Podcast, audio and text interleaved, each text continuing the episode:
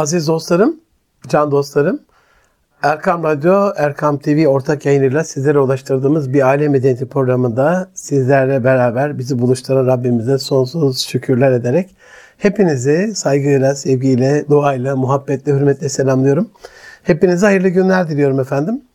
Çok kıymetli bir konuğumla beraberiz. Ee, İstanbul Aile Vakfımızın sosyal hizmet uzmanı Melih Demirci hocamla. Hoş geldin. Hoş buldum.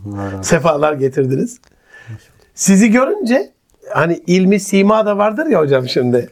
Zaten böyle hayatını sosyal bir faydaya adayan bir insan gibi. Bizim usulümüzde de Yunusça başlıyoruz. Sizde de aynı soruyla programı açayım inşallah.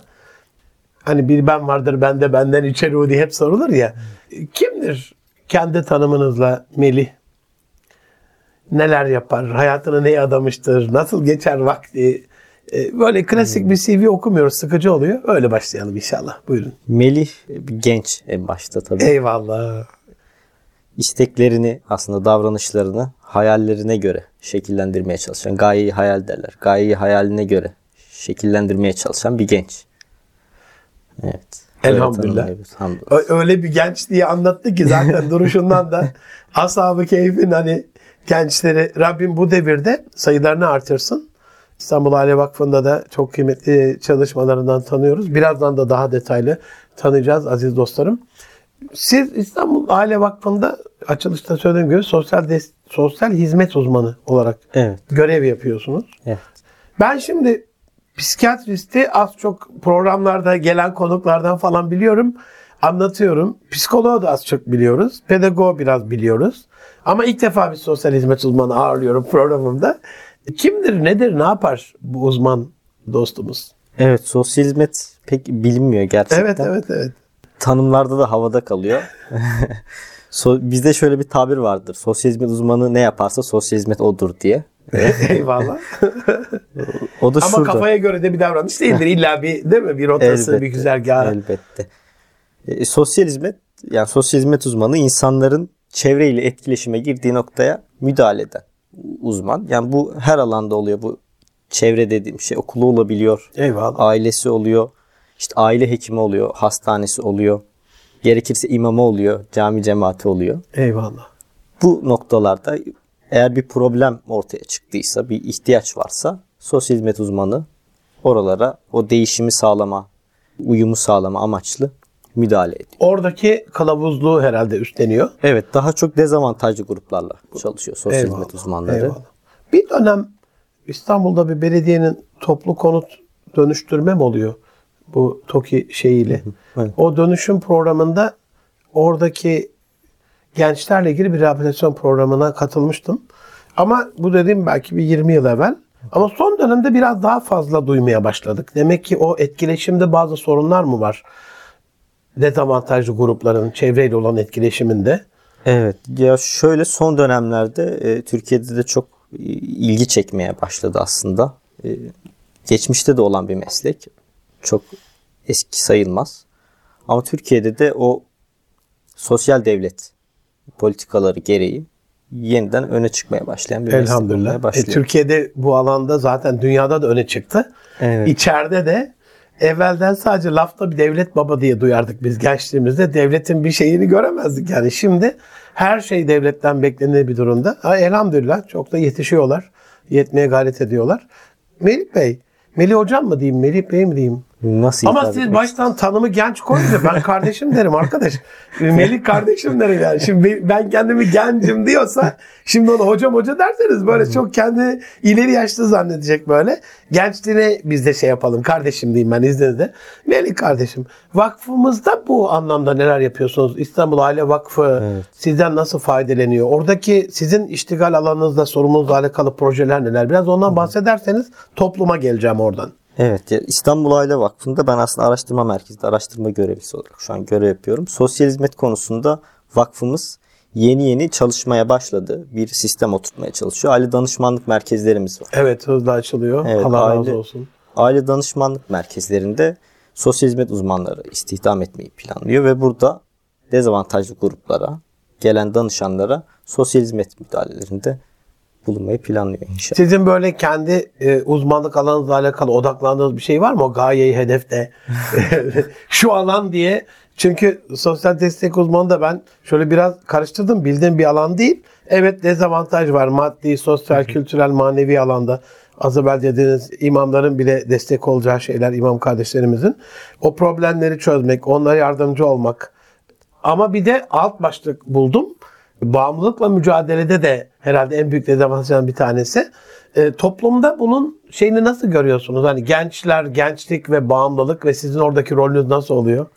Evet şöyle gençlerde bağımlılık yaygınlaşmaya başladı. Yani şimdi madde, alkol, kumar aklımıza geliyor bağımlılık denince ilk aklı. Ancak son dönemlerde dikkat çekmeye başlıyor. PMO diye kısalttığımız bir bağımlılık türü var. Oldukça yaygınlaş, yaygın da bir bağımlılık gençler arasında. Ee, aslında bu alana ben biraz yöneldim. Bu alanda çalışmaya gayret ediyorum. Böyle diyebilirim. Şeyde toplumda bu konular neden konuşulmaz? Şeyde Stephen Covey diye bir hocam vardı benim. Etkili insanı yedi alışkanlığı çok meşhurdur bizim camiada. Yıllar evvel Amerika'da küçük kartvizit boyutunda kartlar bastırmıştı. Neredeyse yani böyle bir tarikat kendi Amerikan tarikatı gibi oraya doğru gidiyordu. Kişisel gelişim uzmanından ziyade. İşte ben evlenmeden evvel e, bir cinsel birliktelik yaşamayacağım. Bu konuda bekaretimi koruyacağım. 5-6 maddesi vardı. Şimdi İslami bir vakıftayız ve gayet İslami bir şey söylememiz gerekiyor. Ama bazı konuları açıklamakta son dönem LGBT sapkınlığı ile alakalı. Hani aman ona değinme, onu söyleme. Hatta bazen konuştuğum e, sizi tenzih ederim dostlar. Ya şeytanın aklına karpuz kabuğu getirmeyelim. Hani o tarafa bakmayalım yoktur gibi böyle bir şeyde. Sizce nasıl yorumluyorsunuz bunu? Konuşulmalı mı, konuşulmamalı mı? Bunun üslubu ne olmalı? Hani bir kelimeyle kalmasın. Madem böyle bir yaygın bir bağımlılık var. Evet. Bunun çaresi, devası, çözümüyle alakalı da birazcık konuşmak isterim. Çünkü o dönem epey bir dinlemiştim. Toprağı bol olsun Stephen Covey'den. Bunun beden adam şeyini yapmış böyle e, bir infografik dediğimiz. İşte bunun bedensel zararları, ruhsal zararları, e, motivasyonla ilgili zararları, e, hedeflerinizi gerçekleştirmede zararları, sapkınlıkla ilgili şeyleri, e, sürekli fantezi olursa, hayal aleminde mutlu olursa, insan tatmin olursa, gerçek hayattan uzaklaş bir sürü ya uzun yıllar oldu da hatırladığım kadarıyla ne söylemek istersiniz bununla alakalı? Hani bir kelimeyle geçmesin diye söyledim benim Evet. kardeşim. Ya şöyle özellikle erkek gençlerde yaygın. Baktığımız zaman genç erkekler on binlerce saatini porno ve şey oyun bağımlılığıyla harcıyor. E, tabii bu çok zararlı bir şey. Özellikle bağımlılık en çok gençlere zarar veriyor. Çünkü gelişim çağındalar. Ve beyin geliştiği için aynı dönemde bu bağımlılık dediğimiz şey beyne gerçekten büyük bir darbe vuruyor. Bu ileriki süreçlerde ömür boyu sürecek belki sağlık sorunlarına, gelişimsel problemlere sebep olabilir. Hatta beyinde hasara kadar yol açabiliyor. Aynı şekilde bu PMO bağımlılığında da geçerli bir durum. E tabii internetin yaygınlaşmasıyla da oldukça yaygınlaştı. Bunun içinde sosyal medyada yer alıyor. Biraz kültür de aslında pornografikleşmeye başladı Maalesef. e, maalesef. Ya bunun zararlarını çok kişi yalnızlaşıyor aslında. E, sosyal fobi bir beraberinde getiriyor. İnsanı insan yapan hasletlerden uzaklaşıyor aslında. Amenna. Amen. E, bununla birlikte cinsellik algısı bozuluyor. Bazen hani evlensek evlensek geçer mi veya çocuğum evlense geçer mi diye sorular geliyor. Geçmeyebilir.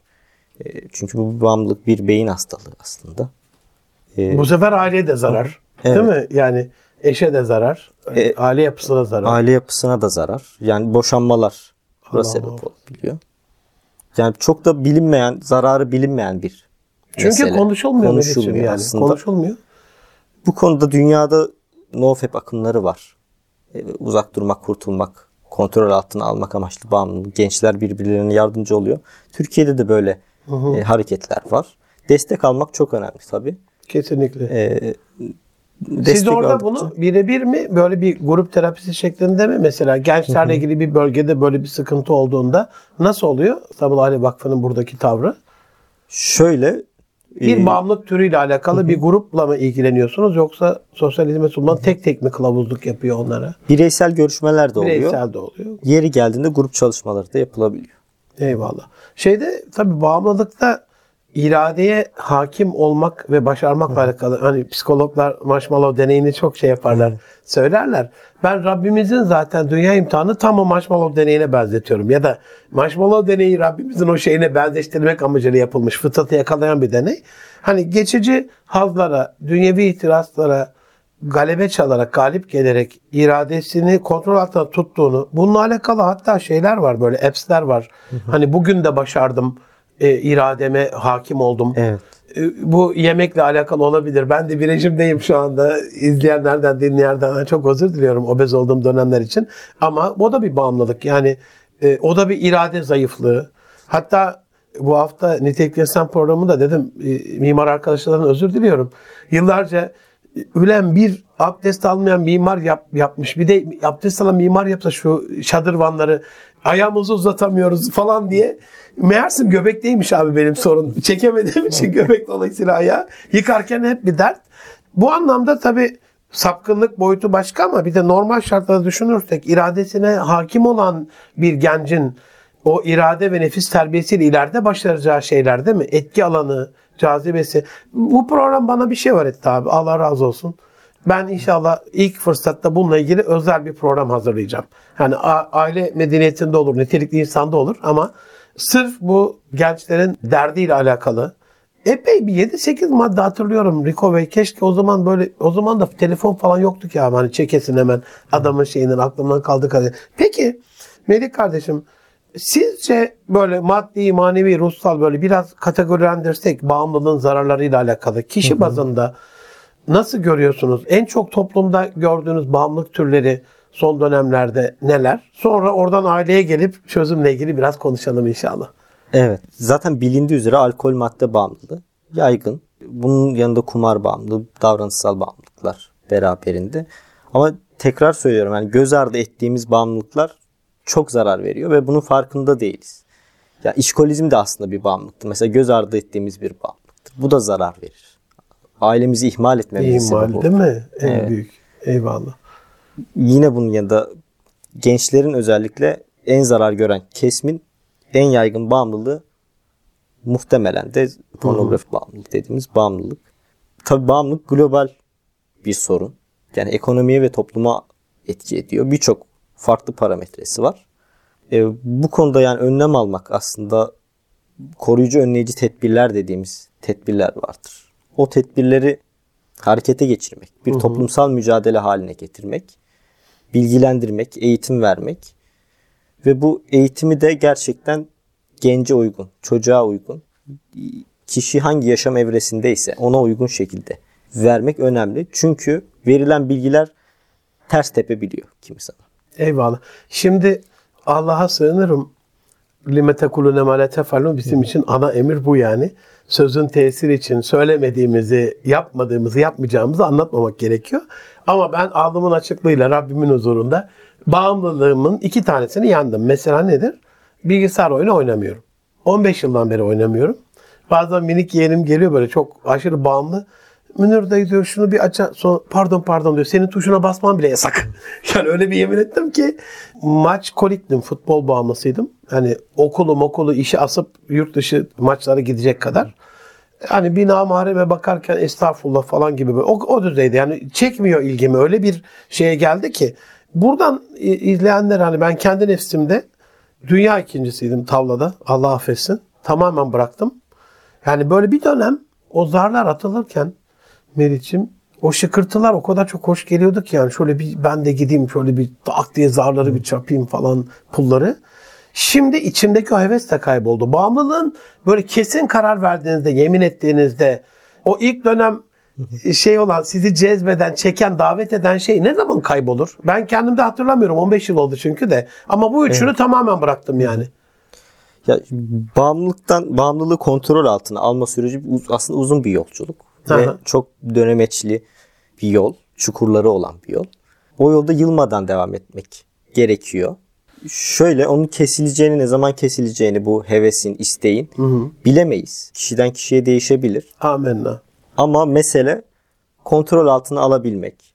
O istekle mücadele edebilmek aslında, başa çıkabilmek dediğimiz şey. Bir örnek vereyim izninizle. Ben 2000'de o zaman İstanbul Büyükşehir'in Balıkhali'nde böyle orada müdür olan bir arkadaşım bir Kastamonu'daki bir kampta tam atıyordum şeker tuttu elimi böyle. O anı hiç unutmuyorum.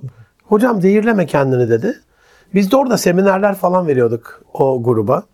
Hayırdır dedim ama şeker, zehir.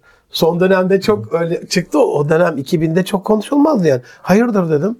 Ondan sonra çıkarttı telefonunu bir şeyler okudu bana. Şekerin ne kadar büyük bir zehir olduğu. O gün bıraktım. Öyle bir tesirle bırakmışım ki Meriç'im. Ben bırakınca o gün eşim bıraktı. Birkaç yıl içinde çocuklarım bıraktı. Evde biz çayda şeker kullanmıyoruz. Çaydaki bağımlılık şöyle oldu. Bana dedi ki oturdu böyle yanıma. Onu aldı atmadım. Bu dedi iğrenç gelecek. Üç günde de hayatının en iğrenç içeceği bu çay olacak. Üç günden sonra dedi yavaş yavaş çayın rayası, lezzeti çıkmış olacak. Bir hafta sonra şekerli çay içmemeye başlayacaksın. içememeye başlayacaksın. Bir ay sonra da dedi hiç unutmuyorum. Hayatının en iğrenç şeyi arada bazen karışacak şekerli çay. Böyle içemeyeceksin dedi. Ya nasıl olur biz şekersiz içemiyoruz. Şekerli çay nasıl? Hani affedersiniz tükürülür çıkartılır ağzından falan. Aynen dediği oldu. Böyle bağımlılıkta da tabii ki kişiye özel değişir ama mesela kültürümüzde erbayin vardır. Mevlana Hazretlerinde matbahta bin vardır, bin günlük. Kişisel gelişimde 10 bin saat kuralı malumunuz vardır. Böyle hani izleyenlere, dinleyenlere sade şifa olması adına bir ümit de olsun. Hani kişiye göre değişir o zaman bir bakalım gibi değil de bir, bir limit alsam sizden ne dersiniz mesela? Ne kadar sabretsinler? İradenin yavaş yavaş böyle içten bir evet evet iyi gidiyor diyebilmesi adına. Varsa tabii böyle bir şey zorla da bilgi alınmaz da. Şöyle yapılan her adım çok değerli Amin. gerçekten. Ancak limit dediğim şey bu bağımlı türlerinden türüne de değişebilir. Doğru. Ve yine kişiden kişiye de değişebilir. Yani limit vermek çok zor. Ya mesela bilgisayar oyunu bugün çok gençlere çok Evet. böyle bağımlı, kaynakları yok eden, ülkeye zarar veren falan. Hani onu ele alsak mesela. Buna özel bir şey söyleyebilir misin? Zorlamayayım ha ben bu Yok, arada. yok. Sadece uzmanını bulmuşken hani diyeyim. Ya şöyle öz- özel bir gün veremiyoruz. Hedef olması açısından gün verilebiliyor. Hani şu şu kadar güne gelirsen bedeninde şu iyileşmeler olabilir. Denebiliyor. Hı hı. Beyninde şu iyileşmeler meydana gelebilir. Eyvallah. Denebiliyor. Ama kontrol altı, altına alma meselesini ne zaman olacağını kesin bir şey verilemiyor maalesef. Çünkü çok farklı etkileri olan Amenna. hastalık aslında bu. Ne zaman düşeceği, ne zaman devam edeceği belli olmuyor. Eyvallah. Ama dediğinizden şunu anladım. Hani fizikselde de mesela ekrana sürekli bakıp 8-10 saat maruz kalıyorsak gözümüz bozuluyordur mesela. Evet, o durdurduğumuzda demek ki gözümüz yavaş yavaş iyileşmeye. Tabii, Beyni evet. bloke ettiği için o bağımlı durduğum için beynimiz yavaş yavaş Zihnimiz mesela derslerde odaklanma falan sorunuyla alakalı oraya bağımlı olmadığı için yavaş yavaş odaklanma gücümüz. Ya tedricen bir gelişme olacak diye Gelişme öyle olacak. bağlayalım. en azından evet. değil mi? Kurtulma süresi vermesek de. Tamam. Melih kardeşim, Melih'ciğim.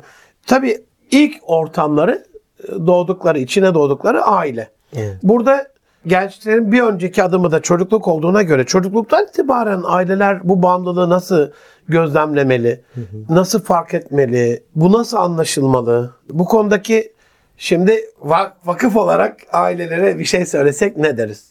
Evet, genellikle aileler çocuğunun bağımlı olduğunu düşündüğünde veya bağımlı olduğunu fark ettiğinde Hı hı. kendini suçlamaya yönelik bir tavrı oluyor ailelerin, ebeveynlerin.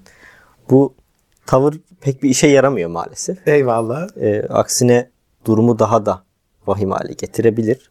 Ancak izlemek, gözlemlemek çok önemli. Çocuktan haberdar olmak, gençten haberdar olmak, nereye gidiyor, e, nerede gibi haberdar olmak. Uygun bir vakitte de, hazır hissedildiğinde de e, konuşmak, o kaygıyı, ebeveynin kendi kaygısını, e, duygularını, düşüncelerini dile getirmek önemli.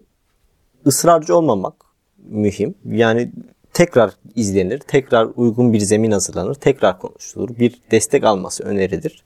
Ancak izlemek çok önemli. Yani aynı zamanda ma- neye bağımlı olduğunu düşünüyorsak o konuda ufak bir araştırma yapabiliriz. Artık e, çok kolay ulaşabiliyoruz bilgilere. Eyvallah. E, ufak bilgilerle anlaşılabilir ama önemli olan konuşmak, açık bir şekilde konuşmak ancak o zaman anlaşılır. Tabii bunun e, fark etme, farkına varma, gözlemleme, analiz etme, takip etme kısmı herhalde ikinci evre. İş oraya varmasın diye bir de önce yapılacaklar var değil mi? Evet. Bağımlılığa düşmesinler diye. Düşmesin. Orada vakıfta yaptığınız bir şeyler var mı? Ailelere bu konuda destek olmakla ilgili bilinçlendirme, eğitme veya Evet. problemleri oluşmadan evvel kurucuya kimlikle çözme gibi. Seminerler ve atölyeler oluyor. Geçmiş aylarda bir ay bağımlılıktı temamız. O bağımlılık temasında birçok eğitim, atölye ve seminer yapıldı. Aynı zamanda aile danışmanlık merkezlerinde de bu konuda danışmanlık veriliyor. Bu şekilde aslında. Eyvallah. Tabii acı bir durumdur. Bir ara ben bir gazete haberinde okumuştum. İşte bir uzman diyordu. Saçından bir tel alın işte adli tıpa falan şöyle böyle analiz. Uyuşturucu ile alakalı bir şeydi sanırım. Yanlış hatırlamıyorsam. Tabii anne baba için bu çok acı bir durum. Ama siz orada suçlu ayağa kalk gibi bir yargıç şeyinin durumunun olayı çözmediğini zaten başta söylediniz. Dolayısıyla halle yönelik bir şeyler, işi halletmekle ilgili bir şeyler yapmak lazım. Burada sizin faydalı gördüğünüz bir sosyal hizmet uzmanı olarak yöntemler neler? Neler yapılabilir? Bu konuda hani tamam siz aileleri bilinçlendiriyorsunuz da o bilinçli aile gidip çocuğuyla, gençle, akrabasıyla bu bazen bir eş de olabiliyor çocuk diye konuşuyoruz ama değil mi? Hani sosyal medya ben aile koçluğu yapıyorum. Hani sosyal medya bağımlılığından dolayı eşiyle ayrılan bir sürü aile biliyorum yani. Oradaki şeyi koparamadığı için sanal bağı. En faydalı bulduğunuz yöntemler nelerdir Melih'ciğim? Aslında en, en önemlisi bağımlılığa, bağımlı olmamak aslında. Bağımlılığa Amenna. düşmemek. O Amenna. yüzden koruyucu, önleyici faaliyetler çok önemli ama bağımlılık sonrasında Evet. destek almak çok mühim. Yani bu rehabilitasyon hem rehabilitasyon desteği hem de o psikoterapi almak, sosyal destek almak sosyal hizmet uzmanlarından önemli faydalı meşguliyetlerinin bulunması Amenna. mühim. O hayat tarzını değiştirerek aslında biraz e, daha işlevsel hale getirerek bu mesele kontrol bağımlılık kontrol altına alınabiliyor. aslında. Bazen böyle o hayat tarzı değişikliğinde şehir değiştiren, şirket değiştiren, bölge değiştiren, çok kadir şinas, hatta ülke değiştiren ailelerle tanıştım. Çok böyle saygı duyuyorum. Evlatlarının kurtuluşuyla alakalı. Ama ilk cümlenizden yola çıkarsak önce bağımlılık oluşturmayan bir sistem oluşturmak. Dolayısıyla burada hani ailenin muhabbetini, sevgisini, saygısını, ilgisini, o değerli şeyler dediğiniz Osmanlı'nın meşguliyet terapisi zaten. O kendi başlı başına bir terapi. Doğru hedefler herhalde konması e, çok önemli. Çocukları iç motivasyonlu çünkü onu gerçekleştireceğim diye ona yönlenirse bir anlamda başarı odaklı da gitmiş olacaktır.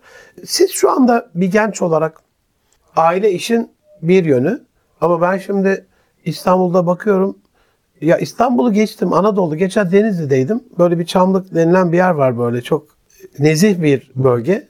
Sağlı sollu yüzlerce binlerce değil ama yüzlerce kafe var.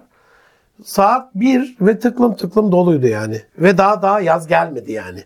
Yazın belki 2 3 4'e kadar Ramazan'da sabaha kadar açık olan şeyler biliyorum sahura kadar. Yani o da bir bağımlılık gibi geliyor bana. Kahvehane bağımlılığı gibi. Kafeler o da bir sosyal çevre. Aile bir sosyal çevre. Okul var. Ondan sonra bütün bu alanların içerisinde böyle gençlerin durumunu, konumunu nasıl görüyorsunuz? Gençleri siz genç olarak nasıl görüyorsunuz? Gençler malum o yaşam evresi gereği bir kimlik arayışında. Amin. Ee, ancak sistem çok hızlı. Sosyal medya, e, popüler kültür, moda bunlar sürekli çok hızlı değişen şeyler ve sürekli kimlik arayışında olan gençlere bir kimlik pazarlama peşinde. Ve sürekli o kimlik de değişiyor bunlar değiştikçe. Ve biz gençler olarak aslında parçalanmış kimliklere dönüşebiliyoruz. E, bu tehlikeli bir şey tabii. Özellikle erkek gençlerin dezavantajlı duruma düştüğü dönemlerdeyiz.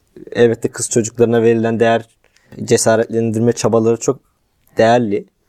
Ancak o yükseliş e, maalesef aynı zamanda erkeklerin düşüşüyle de erkek çocuklarının gerilemesiyle de bağlantılı. Erkek gençlerde daha çok problem görüyoruz. Çünkü bir ev gençleri diye bir tabir vardır. Yani çalışma imkanı olup e, çalışmayan, bir şey yapmayan, umutsuzluk intiharlarının Allah muhafaza. Allah muhafaza. arttığı, on binlerce saatini pornografi ve oyunla harcayan maalesef e, bir profil ortaya çıkmaya başlıyor ve gelecekte bu gençlerin hayata bakışı daha problem ne olacak? O zaman bizim pirincin taşını ayıklamamız çok daha zor olacak. Allah kolaylık versin. Ve bu gençlerin arızası muhtemelen hepimizi etkileyecek yani Amenna. aslında. Gençler bir şey yapmak istiyor, bir sorumluluk almak istiyor. Bugünün sahibi olmak istiyor. Geleceğin teminatı olmaktan ziyade. Gençlerin problemleri elbet olacak. Yaşam evresi. Herkesin problemi var. Bunlar düzelebilir problemler ama bahsettiğim şeyler bir bazı hamlelerin sonucu maalesef. Hı hı.